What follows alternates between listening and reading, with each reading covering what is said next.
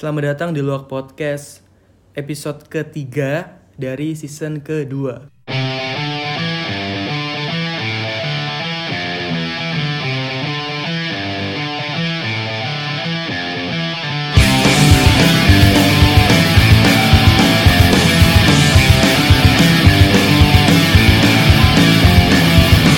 Kali ini gue lagi ada di base campnya Garda Pangan. Yeay. Biar meriah. Di, iya diam dulu tapi ntar ntar gue present. ntar gue oke. present tenang aja. Kali ini gue lagi ada di uh, base campnya Gara Pangan di mana ada temen gue yang udah lama banget sebenarnya kita udah janjian untuk buat podcast cuman kayaknya baru kesampaian sekarang gitu mungkin karena nggak tahu ya mungkin sama-sama sibuk aja ya bagus gimana Gus kabarnya Gus Halo, halo semuanya. Halo, halo Mas Riki. halo Baik-baik saja ya. Ini kita udah terakhir kali podcast itu episode berapa dulu ya? Dulu itu kalau nggak kalau nggak salah ya, waktu itu gue masih ingat pertama kali kita eh, bikin podcast kalau nggak salah antara episode 7 atau 8 kalau nggak salah.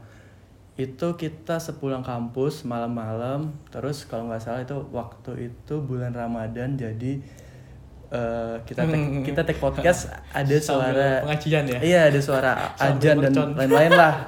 Makanya ya dis ke distract hal kayak gitu. Jadi Sama Pak Jafar gak sih? Iya benar kita sama Jafar dulu Oke, oke. dulu kita bahas tentang komunitas tapi sekarang kita nggak akan bahas itu Hmm. sesuai dengan eh, tema yang akan kita bahas di mana Hmm. gua akan tanya-tanya tentang kom ini apa sih bisa bilang gua- apa sih komunitas atau Hmm, food bank ya, startup entrepreneur Nah, mungkin nah itu sosial baru dengar. startup. Hmm. karena biasanya startup kan dia lebih ke teknologi yang Mm-mm.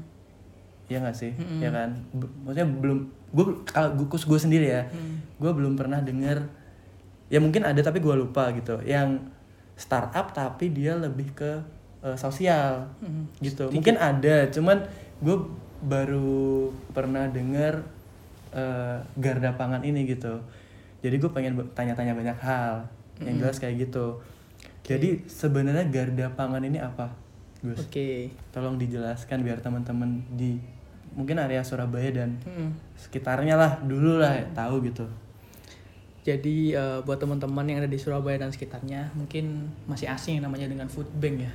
Mungkin Iya. food bank Iya, itu iya, apa ya? iya, iya. Kalau secara harfiah food bank itu berarti food berarti makanan. Makanan. Bank berarti Penyimpanan. tempat penyimpanan. Iya. Secara harfiah seperti Iya, itu. iya. Jadi Garda Pangan ini adalah sebuah food bank ya. Jadi food bank ini kita mengumpulkan makanan-makanan berlebih atau surplus Hmm. untuk nanti kita kumpulkan Hmm. ya terus nanti kita bakal distribusiin ke masyarakat prasejahtera di Surabaya dan sekitarnya Hmm. jadi makan makanan surplus ini eh, kita ambil dari beberapa tempat industri hospitality Hmm. Misalkan toko roti Hmm. eh, wedding Hmm. terus hotel Hmm. terus bisa jadi eh, ini juga sih donasi pribadi juga Ya, Jadi- mungkin gue potong ya Gus ya. Hmm. Bisa dikatakan makanan berlebih itu yang dimaksud makanan berlebih itu yang kayak gimana gitu. Hmm, oke. Jadi mungkin teman-teman nanti juga bisa bantu gitu kan Hmm. yang dengar. Jadi makanan berlebih ini misalkan, eh, jadi kita udah bekerja sama sama beberapa mitra lokal kita di Surabaya. Kalau Mas Riki tahu kayak mungkin Igor, Ya, ya, ya, tahu tahu. Iya, tahu tahu tahu. terus. Korika, Iya, tahu tahu. Paris dan lain- itu banyak lah Pak. Hmm, hmm. Eh, ya kayak gitu nanti. Nah mereka-mereka ini kan memproduksi roti mereka kan, kadang kan ada yang berlebih, Berlebih, ya. benar, berlebih. benar. Nah, dan kalau misalkan hari itu nggak kejual pasti akan ke buah. Kebuang, heeh. Itu kan sebuah value mas ya. Iya, benar benar benar. Dengan Ya, sayang lah roti bisa harga makan gitu. enam puluh ribu per roti Iya, iya, dibuang gitu aja kan sayang, Sayang lah, sayang banget. nah. Eh, ini makanan surplus ya beda sama makanan sisa jadi sisa itu kan kayak Coba konversinya per- negatif per- lah ya. perbedaannya apa? Jadi kita biar tahu gitu kan. Kadang gue pikir masih makanan sisa kayak misalkan kita ada hajatan terus ada sisanya gitu, apa bisa kan gitu? Hmm. Oh bisa disumbangkan itu. Bisa kan gitu kan? Kalau kita ada mungkin anak teman-teman juga ada yang dari satu keluarga itu ada mungkin ada eh, ada acara nikah atau ada acara apa neneknya yang meninggal atau apa terus dia tiba-tiba eh, masih mas rotinya masih sisa kayak gitu-gitu apakah masih Hmm. termasuk bisa gitu kan? Mhm. Jadi eh, kita bukan makanan sisa ya kalau makan sisa itu mungkin teman-teman ngiranya kayak makan sisa ini kayak kita habis makan di piring terus nanti Oh, enggak, enggak gitu. Nah, iya, iya, iya. mungkin Iya. lebih cocok dikatakan makanan surplus atau berlebih berlebih ya berlebih jadi eh, yang dikatakan Mas Riki tadi bisa. Jadi eh, salah satu program Gadapangan itu ada namanya Rescue Wedding. Jadi kita biasanya dihubungin oleh pihak-pihak wedding, Ah, ah. eh, pernikahan-pernikahan Iya, gitu. iya, iya. eh, kan eh, uniknya gini, eh, kalau di wedding ini kan banyak banget kadang ya makan makanan ini tuh ya berlebih lah berlebihnya tuh banyak banget. ah over Per- banget pernah sampai rekor itu sampai 500 porsi. ya oke benar. Bayangin, Iya, porsi iya. itu udah bisa buat eh, ngasih satu nikahan lagi gitu loh. iya benar benar benar benar benar benar. Nah itu, nah kalau misalkan itu apa ya nggak nggak di- nggak kita olah gitu loh, itu kan pasti yang kan nanti kebuang kan, itu kan Mhm. sayang banget. iya benar. Nggak bisa, ke, ke, Kedapangan salah satu programnya adalah wedding rescue, jadi kita menjemput eh, langsung ke tempat Heeh, Eh, yang punya yang dia punya punya makanan berlebih. iya punya hajatan. Nanti kita apa ya packing lagi dikemas. Dikemas Ah, lagi nah, dan nanti langsung kita distribusiin ke masyarakat prasejahtera di sekitar Surabaya dan sekitarnya. Hmm, hmm, saat itu juga. Oke oke. Tapi kan kalau misalkan masalahnya kayak makanan kan pasti ada jangka waktunya kayak Mm. kan ada roti ada Mm. dia di, di jangka waktu Mm. eh, mungkin tiga hari atau dua hari. Nah Mm. itu cara cara garda Mm. pangan untuk nangan itu gimana? Jadi eh, kita ambil contohnya dari roti aja ya. Apa apa ketika dapat tiba-tiba besoknya udah langsung habis gitu langsung disebarkan lah ibarat gitu nah jadi di Gadapangan itu kalau kita ambil sebelum pandemi ya kegiatan kita ya Ya. yaitu rescue ke toko roti yang tadi saya sebutkan tadi misalnya ke Korika ke Igor dan lain-lain Hmm, tuh. hmm. jadi kita datang ke Korika misalkan ya atau ke Igor nah kita kita itu nggak sembarangan langsung distribusin gitu aja Hmm. jadi kita cek dulu mas cek bener-bener cek eh, food security check Ya. dari mulai rasa Oke. bau Iya, iya. bentuk Hmm. tekstur dan lain Hmm. sebagainya itu Hmm. kita cek semuanya Hmm. Kita punya SOP sendiri. Oke. Jadi eh, makan-makan yang emang nggak layak dan nggak bisa diselamatkan ya kita nggak distribusiin. Dibuang ya dibuang. Dan kita nggak distribusiin. Dan kita milih yang masih fresh banget masih apa ya yang masih layak untuk dimakan, Dimakan. Masih enak masih layak Iya, dan iya. kandungannya juga sama gitu loh. Iya iya, iya. seperti itu. Dan misalkan kalau kita dapatnya rotinya itu ya kita habiskan semuanya kita distribusin semuanya. Sampai nggak ada sisa lagi berarti makanan itu disimpan dulu gitu Enggak, langsung kita distribusiin hari itu juga. oh iya iya, iya. Mulai Padahal kebayang nggak mungkin- sistemnya nih? Iya ya, lebih gue udah udah bayang karena kan kayak roti segala macam kayaknya emang dia kalau bisa kagak dimakan besok ada udah udah dari jamur Bener, gitu loh. jamur. Jadi emang benar-benar harus di ya kan gue bayangan gue mungkin kayak mungkin ketika dapet eh, apa namanya dapat makanan itu terus kalian ada jadwal di bisanya di hari ini gitu untuk Hmm. setiap hari ini baru bisa ngedistribusiin itu gitu jadi disimpan di suatu tempat yang mungkin atau dikasih apa gitu biar Hmm. bisa lebih awet gitu bayangan gue gitu ternyata emang lebih Langsung lebih secepat itu itu ya juga. gitu langsung gitu Langsung. oke Gitu. oke jadi garda pangan ini emang dia eh, mainnya ibaratnya ibaratnya, eh, Fokusnya fokusnya lah itu lebih ke Food waste. food waste gitu ya ngambil ngambil itu gitu ya Hmm. untuk untuk yang lain sebenarnya ada ada lagi nggak sih yang dikerjain sama garda pangan selain selain itu gitu Banyak banget sih mas. Eh, sebenarnya isu kita kan yang utama itu adalah di food waste ya. Hmm. Food waste itu apa? Mungkin teman-teman nanti bisa googling ya food waste ya. Jadi food waste itu eh, sampah makanan. Jadi ini isu utama kita sebenarnya. Karena kita menganggap sampah makanan itu adalah isu yang sangat masif. hmm. Karena dampaknya ini sangat luar biasa ya. Iya, iya. Kalau Mas Riki tahu eh, Indonesia ini merupakan negara nomor dua di dunia pembuang sampah makanan terbanyak di dunia. Dan setiap orang per tahunnya ya kalau dihitung secara per kapita ya Iya. itu membuang makanan 300 kilo satu Tuh, orang. satu orang ya Nah, ironinya ironinya di sini adalah di Indonesia ada sekitar mungkin 19 juta lebih orang itu masih tidur dengan perut kelaparan.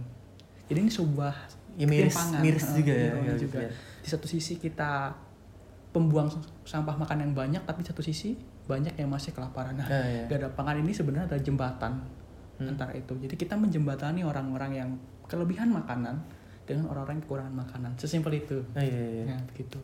Untuk program-programnya sebenarnya kita tuh banyak banget selain rescue tadi ya Hmm. jadi kita ada namanya rescue jadi kita rescue itu namanya kayak ini menyelamatkan makanan itu rescue Ya lebih ke menjemput paka- makanan yang benar sisa lah ya. Mm-mm. dan rescue ini uh, dikerjain sama teman-teman relawan ya. jadi kita membuka relawan lepas juga jadi setiap dulu ya ini ini kan beda ya dulu Iya. sebelum pandemi sama Iya. setelah pandemi ini kan agak agak beda kan sistemnya Iya. mungkin sebelum pandemi kita bisa uh, distribusi roti setiap hari hampir setiap hari Hmm, hmm. karena pandemi ya toko roti otomatis tidak produksi terlalu banyak Iya, jadi benar. tidak ada lebih banyak juga ah, ah. di satu sisi kita senang kan karena ya tidak ada sama makanan tapi di satu sisi ya kita nggak ada kegiatan juga Iya. nah akhirnya kita ngekat untuk yang toko-toko roti ini Hmm, hmm. dan dialihkan sekarang ke sembako yang kayak Milo ini Ah, iya iya tadi gue lihat Hmm, banyak banget ya? Iya, iya. pertama kali ini kan gue juga ya pertama kali lah datang ke Hmm. Garapangan dan yang pertama kali gue lihat adalah ada buah pir di situ buah pir ya Hmm, buah- ada buah buah buah pir di situ banyak terus ada kayak makanan-makanan gitu loh banyak Snack-snack, gitu snack ah. snack gitu itu itu diapain guys Oke, eh, jadi eh, selain rescue tadi Hmm. ya, selain rescue tadi itu kita juga pun- jualan buah juga, agri fruit. Eh, Yang buah pir tadi Hmm. itu eh, kita dapat dari petani lokal dan distributor buah. Jadi Hmm. buah-buah yang tidak dilirik oleh standar supermarket Ah, mungkin, iya, iya. nah, gitu-gitu. Tapi masih layak banget, masih apa ya, masih ya masih bisa dimakan lah, enak lah. Hmm. kalau Mungkin gue lihat sih bukan bukan masalah masih bisa dimakan ya kayaknya masih kayak gitu iya Hmm. ini bukan Oke ya? bukan masalah masih bisa ini sih oke kalau gue yang lihat gede banget tapi Ini oke. ini ditolak sama standar supermarket loh kenapa karena kurang gede atau kurang apa? Kayak segitu ugly fruit. Gua nah kan- ini namanya ugly fruit. Ugly namanya kan jelek, Jelek. Eh, buah-buah yang jelek. Yang mungkin bonyok dikit Mm-mm, hmm, ada black spot dikit Iya, iya, iya, iya. ada stretch dikit. Mhm. Oh dia berarti bener-bener mintanya yang perfect banget lah perfect ya. banget. Ataupun surplus. Yang udah stoknya udah banyak banget akhirnya nggak bisa nampung lagi. Nah Iya. rata-rata eh, distributor buah sama petani-petani lokal itu kirimnya ke kita Hmm. Gitu. Jadi jadi kita jual oh ya jadi buah apa aja nih? semuanya Apa pun Ada itu ya? banyak, banyak banget jadi kita tiap hari itu jualan buah. Jadi kalian ambil dari mana nih? ya itu tadi eh, distributor buah kayak mungkin kalau tahu Sunpride Oh, jadi enggak maksudnya ini yang yang kalian udah lakuin ini kemarin itu ambil buah dari kota apa aja gitu atau dari mana gitu? Hmm. jadi kita udah ini sih mas Atau dari luar pulau gitu apa gitu? Enggak sih. Enggak kan ya? enggak ini tetap masih di Surabaya kok Hopeless banget ya. Eh, distributor buah adalah satu distributor buah Ada ya? besar kayak ah, ah. di Surabaya udah kerja sama bareng kita Mhm. gitu Oh, jadi kita tinggal ngambil ke gudang mereka ya. terus ya udah nanti main apa ya ibaratnya ya eh, oke-okean harga lah gitu Berarti berarti kalian dapat ibaratnya buah yang di reject sama supermarket dan kalian dapat harga spesial untuk dijual lagi dan dananya itu untuk operasionalnya gak ada oh gitu oke. Jadi jadi gue tahu nih ini jadi kita nggak ini nggak Iya. nggak 100% dari apa ya menggantungkan diri kepada donatur donatur, donatur lah ya. tapi kita juga namanya ya sosial startup tadi kan startup Ya, gitu. Iya. kita dapat uang uangnya ya dari gini gini Ternyata menarik ya. Karena gue kan?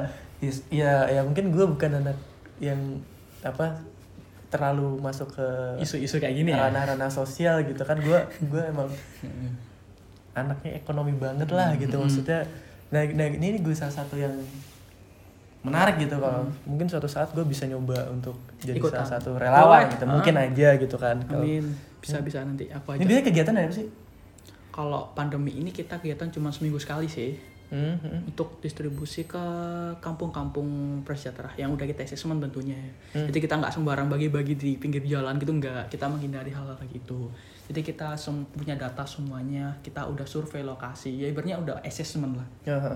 Udah turun ke kampung-kampung, udah nanyain, uh, udah ngorek-ngorek info misalkan, uh, misalkan kita mau dapat mau survei tempat nih ha. di kampung mana ya Ha. kita temuin dulu tetuahnya Hmm. atau Pak RT, Pak RW, kita izin, kita jelasin kita dari mana, Hmm. terus maksud kita apa di situ, Nah, terus kita uh, minta data mereka berapa kakak, Hmm. berapa rumah, terus Yeah. pekerjaan mereka apa aja, Yeah, yeah. terus mereka punya kulkas atau enggak itu penting Hmm. juga, punya kompor, punya ya kalau kompor kan biasanya untuk manasin ini ya kan kadang ada yang orang-orang itu nggak punya kompor nggak punya kulkas jadi Iya, ya iya, iya. kalau bisa ya harus segera dikonsumsi dan lain-lain Oke, ah. berarti ininya ya kita Tepat- Mm, mm, tepat ya, tuju- tepat tujuan sasaran. sasarannya tepat lah gitu ya. efektif dan tepat sasaran karena kita kan terpacu sama waktu kan Iya, iya, iya. Kapan hari gue lihat lu punya story itu lagi ada acara sama Garda Pangan itu ke daerah Malang kalau nggak salah itu itu ada acara apa Gus? Karena setahu gue kan base-nya ini kan di Surabaya kan. Nah kemarin tuh ada acara apa sebenarnya? jadi kemarin ini alhamdulillah eh, Garda Pangan udah ekspansi ke Malang mas jadi udah pecah telur ibaratnya Ah, jadi ah, jadi kemarin kayak ini ya eh, bisa dikatakan buka cabang lah ya. kacau. cabang. ekspansi lah ya Iya, ekspansi. Terus Ya jadi kemarin adalah kegiatan pertama distribusi pertama Garda Hmm. Malang. Jadi aku kemarin sempet nyempetin lah buat ke Malang gitu. ya, ya, ya. Buat ikutan acaranya Garda Pangan Malang. Berarti nanti em, untuk area Malang juga udah mulai bisa untuk anak-anak yang ingin bener banget. bantu atau mungkin yang eh, di rumah mungkin gak ngapa-ngapain atau apa bisa lah ya bantu-bantu jadi relawan di Mm-mm. sana. Karena di sana juga kayaknya banyak juga ya yang Mm-mm, banyak banyak. Tapi di sini adalah masalahnya adalah Malang dan Surabaya ini beda banget mas. Secara geografi, ya kan Ya. tentunya. Terus secara eh, masalah ini sih sebenarnya kita nggak bisa ngelihat orang-orang di kalau Malang kan orang-orang ini kan ini kan beda sama Surabaya. iya tak beda ya. Eh, tingkat ininya Metropolitannya kelihatan, gak sih? kelihatan banget kontras kalau di Surabaya kan kontras lah kita Iya, bisa heeh. lihat secara visual lah Iya, kan iya. kalau warga-warga prasejahtera eh, atau tempat-tempat kita distribusi bijinya kita udah tahu secara visual dan lain kalau di Malang ini ya bener misalkan dia punya rumahnya eh, sederhana. Hmm. tapi asetnya banyak pak Iya juga sih. Iya juga sih karena di sana kan perkebunan apa segala eh, macam. bener Jadi untuk tepat sasarannya mungkin agak Agak- agak, agak- tricky juga ya nyarinya. Nah kayak gitu.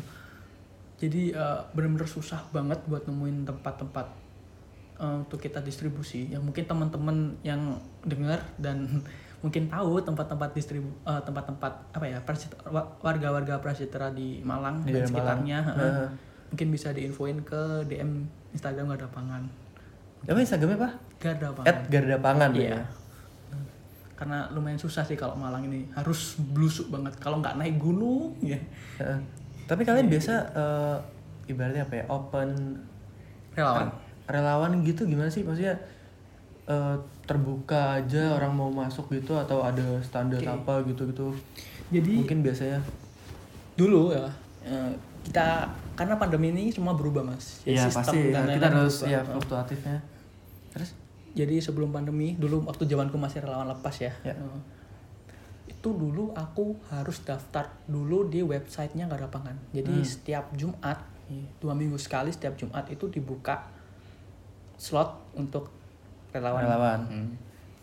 dan itu diisi sama empat atau lima slot buat relawan lepas dan satu koordinator relawan Hmm, hmm. Jadi koordinator relawan ini dari relawan intinya gak ada pangan. Oh iya iya. Nah, gitu. Jadi sisa ini relawan lepas ini ya umum semua mau ibu rumah tangga bisa, Hmm. mahasiswa bisa, anak SMA bisa, Hmm. semuanya bisa. Hmm, hmm. Oke aja yuk mau ikut mau ikut ya udah yuk. Tapi ya itu tadi harus daftar lewat web dan harus cepet-cepetan. Oke. Kenapa cepet-cepetan? Ini ini ini yang bikin istimewanya gak ada pangan. Hmm. Karena banyak banget yang mau ikutan jadi relawan gak ada pangan. Hmm, Oke. Jadi kalau kamu telat 5 menit Hmm. udah full pasti Slotnya tuh penuh, penuh tuh kan. penuh padahal itu slotnya itu seminggu 5 berarti kalau dua minggu 10 ya ada 10 slot itu udah penuh 5 menit Hmm. Hmm, hmm, hmm. nah kalau sekarang kegiatannya eh, tidak dibuka untuk relawan lepas karena pandemi ya Hmm, hmm. jadi yang berkegiatan cuma relawan-relawan inti aja dari garda pangan atau koordinator inti Hmm. sebenarnya eh, ya ada sih untuk relawan lepas kalau misalkan relawan intinya dari kita yang bisa sedikit itu kita bakal buka relawan lepas tapi bakal diinfoin nggak di web tapi di storynya gak ada pangan Ya untuk saat ini gimana? Untuk Masih relawan mau- inti. Enggak maksudnya untuk kira-kira yang mau join. boleh bantu. Langsung DM aja sih langsung DM aja nanti bakal tak buatin waiting list jadi misalkan kalau Anjir, nanti waiting kita- list. Ya, Berarti kan saking banyaknya saking ya? banyaknya bener Waiting list, Pak. Gila. Jadi nanti aku bakal buatin waiting list. Jadi nanti misalkan kalau kita kekurangan kekurangan orang buat bantu, kita pasti hubungin dia. Oke oke oke oke. Menarik ya. menarik menarik Terus untuk nih kalau misalkan dari personal kamu sendiri gitu kan Hmm. ya, ikut kegiatan ini, sos kegiatan sosial di Garda Pangan sebenarnya kamu tuh melihat dari sisi apa sih? Maksudnya kamu kayak ngelihat fenomena apa yang akhirnya kamu tergerak untuk di selain selain eh, visi misi yang ada di Garda Pangan ya? Eh, emang mungkin Mas Rika tahu ya kalau aku tuh orangnya suka ikut-ikutan volunteer ya. Iya. Rika tahu eh, ya. Jadi setiap aku ikut volunteer itu aku selalu harus punya keresahan. ya. Jadi nggak cuma Mas Riki yang buat podcast Iya. yang harus tahu. ada keresahan ya. Iya, emang resah terus. Jadi ikut relawan itu sebenarnya harus resah juga. Resah kenapa? Harus sadar sama isu-isu di lingkungan sekitar. Buk, jadi bukan karena ini bayangan kan, karena karena gue juga tahu kalau misalnya lu tuh em, anak komunikasi gitu, mungkin ada kayak oh mungkin anak komunikasi butuh butuh wadah itu untuk belajar gitu. Pikiran gue gitu. Cuman mungkin ada alasan lain. Itu tadi sih kalau ada pangan ini aku tertarik sama isu sama makanannya Hmm. dan isu buat eh, mengentaskan apa ya biasanya kan banyak Menyeimbangkan ya. Nah, benar-benar Menyeimbangkan kayak gitu-gitu. Yang enggak seimbang gitu berarti. ya. benar jadi kan kalau aku dulu ikut volunteer kan harus misalkan eh, isu di lansia Hmm. ya ya udah aku ikut komunitas di lansia Hmm. terus eh, di sekitarku ada nih isu disabilitas kayaknya asik sih ya udah aku ikut nyari-nyari isu disabilitas Hmm. itu mereka gitu-gitu sih nah kalau kadapangan ini ibaratnya udah lengkap Hmm. visinya itu udah lengkap jadi Ya. dia lingkungannya dapet Hmm, hmm, hmm. terus eh, dari jadi kita nggak hanya ngasih-ngasih tok Iya, ya, ibaratnya tanda kutip. kan banyak kan komunitas-komunitas kayak hanya cuman bagi-bagi itu nggak salah sebenarnya Hmm, hmm, hmm. cuman gak depannya lebih lengkap aja sih Hmm. di lingkungannya dapet Hmm. terus kita dapat kebahagiaan ngelihat senyuman orang-orang kayak gitu-gitu sih Mm, mm, mm. Soalnya kan gini dari mungkin dari eh, kacamata orang banyak kan nggak selalu sama kayak gitu kan. Mm. Pasti dari temen-temen sendiri lah ada yang ngapain sih ikut kayak gitu gitu. Apa sih yang kamu dapat gitu? Mm. Digaji enggak, gini enggak gitu.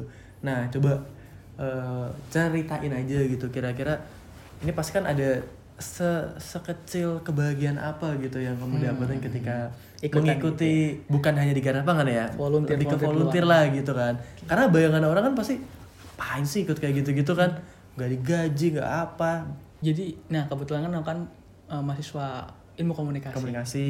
Nah, ya biar anak-anak komunikasi ini juga iya juga ya gitu. Jadi pasti ada hikmahnya gitu. Makanya hikmahnya apa gitu biar orang-orangnya ah iya ini kayaknya gitu. Kan kadang nggak pikiran gitu. Ceritain Gus. Oke, kasih tahu anak-anak. Jadi eh, kebetulan aku mahasiswa ilmu komunikasi buat teman-teman ini yang belum tahu. Jadi di komunikasi itu ada yang namanya public speaking. oke Ikut volunteer kayak gini itu ngelatih banget public speaking. Jadi ketemu orang baru, ketemu orang-orang di lapangan yang kita nggak tahu ya orang-orang kan macam-macam Macam-macam bentuknya eh, lah, macam-macam iya, iya. bentuk dan lain-lain kita nggak pernah tahu. Nah kita belajar komunikasi sama warga seperti apa. Itu ngelatih banget public speaking. Kita mengkoordinir relawan-relawan ya kan. Kalau misalkan gak ada lapangan ada event misalkan aku tunjuk buat jadi koordinator Iya. event itu ya aku bener-bener nge-planning Ya, harus event tanggung itu jawab lah ya. nol, Iya. nge-planning mulai dari budget mulai dari semuanya apa pun itu itu Hmm. dari nol sampai event itu berakhir Iya. aku belajar itu juga Hmm.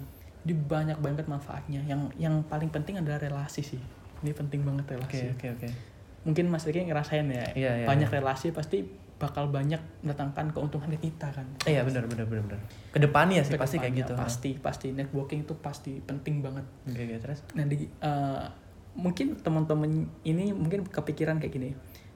Volunteer volunteer itu orang-orang yang mungkin gabut ya, iya orang-orang pasti. kayak iya iya gitu. iya juga sih kalau Mas Riki tahu nih ya Hmm. orang-orang yang ikut tiga lapangan aja deh. Iya. Itu orang-orang yang bukan orang sembarangan sih kita Hmm. ngomong dari ownernya aja deh iya iya Ya, tadi tak Iya, ceritain iya ya iya kan. iya coba ya lulusan IPB oke udah iya udah malah melintang ya. ke mana-mana terus temen-temen yang lain pun juga udah wow lulusan macam-macam dan punya ide-ide brilian yang iya, iya. itu apa ya ngasih wawasan buat aku sendiri Mm. dari bonding di sini juga oke banget mas jadi kekeluargaan banget Mm-mm.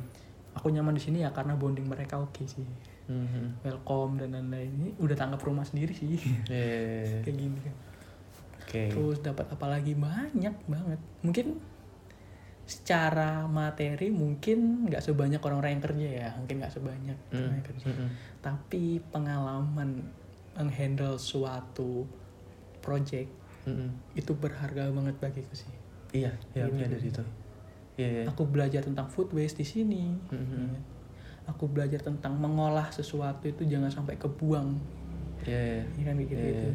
manajemen sampah Iya, kayak iya. gitu gitu kan Iya, iya. itu nggak aku dapat dari kampus Iya. aku dapat dari mana-mana Tapi emang eh, gue sendiri juga nyadari kalau misalkan eh, cara kita apa untuk mengatasi masalah kalau nggak dilatih itu Hmm. Pasti akan berat gitu. Jadi kalau kita udah sering-sering ngadapin masalah yang berat dan tiba-tiba kita bisa ngatasin itu pasti ke depannya bakalan lebih ringan lah gitu. Hmm. Dan dan dan kayaknya semua semua orang punya kesempatan yang sama untuk Hmm. kadang-kadang kan orang ada yang mikir kok dia bisa gitu ya gitu. Wah, Hmm.